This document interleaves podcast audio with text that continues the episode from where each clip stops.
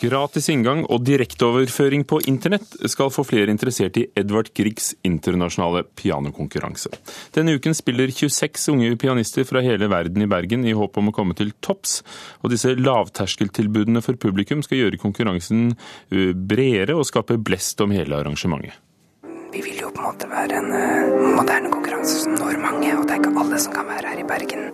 Hvisker pianist og streamingansvarlig Joakim Kvetsinski. Jeg tror også det er et veldig bra tilbud til eh, venner av deltakerne. For du trenger ikke være til stede for å følge med på verdenstalentene som spiller om en finaleplass i Edvard Griegs internasjonale pianokonkurranse. Du trenger bare en PC eller et nettbrett. Vi er i et knøttlite rom helt oppunder taket i Trollsalen. I rommet er det dataskjermer som viser lydnivåer fra mikrofonene og bilder fra kameraene. Det er en åpen luke inn til konsertsalen, der det spilles om 220 000 kroner og vinnertittelen av Edvard Griegs internasjonale pianokonkurranse. I juryen sitter blant andre størrelser som Leif Ove Ansnes og Mark André Hamelin. Det er bannlyst å bråke nå. Hva heter hun som spiller nå? Hun heter Xiu Tang, og hun kommer fra Kina. Var fra Kina som så dette. I tillegg så legger jeg inn alle titlene underveis, og hvem som spiller og sånn. Så, og disse videoene kommer til å bli liggende ute i to uker.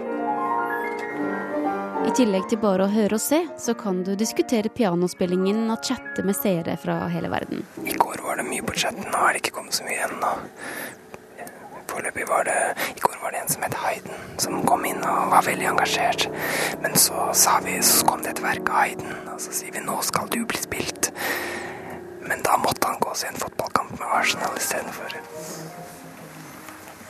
Vi beveger oss ut av det lille rommet og inn på kontoret og til PC-en til avdelingsdirektør ved Trollhaugen, Ingrid Røynesdal.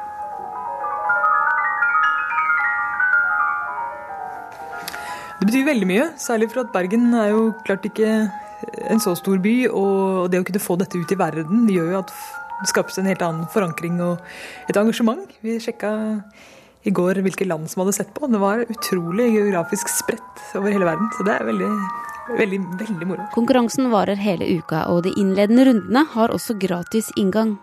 Ja, vi har lagt eh, terskelen veldig lavt, fordi vi, altså, vi mener vel at det er en, en konkurranse som er veldig tjent med at det er publikum i salen.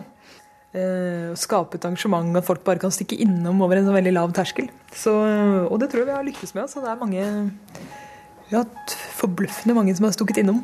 Langtidseffekten av lavterskeltilbudene for publikum er uviss. Vet jo ikke hvem som ser på ennå, men, men, eh, det er kjempeviktig for oss. Det er et utrolig viktig prosjekt. Det er eh, veldig inspirerende tror jeg, for både alle som jobber her, og jeg tror også kanskje for musikklivet her, at, at vi får såpass stort fokus.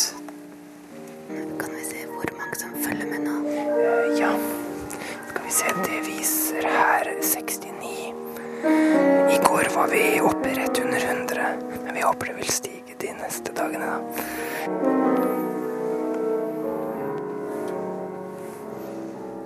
Reporter Helena Rønning på Edvard Grieg internasjonale pianokonkurranse, altså overført på nett fra Bergen.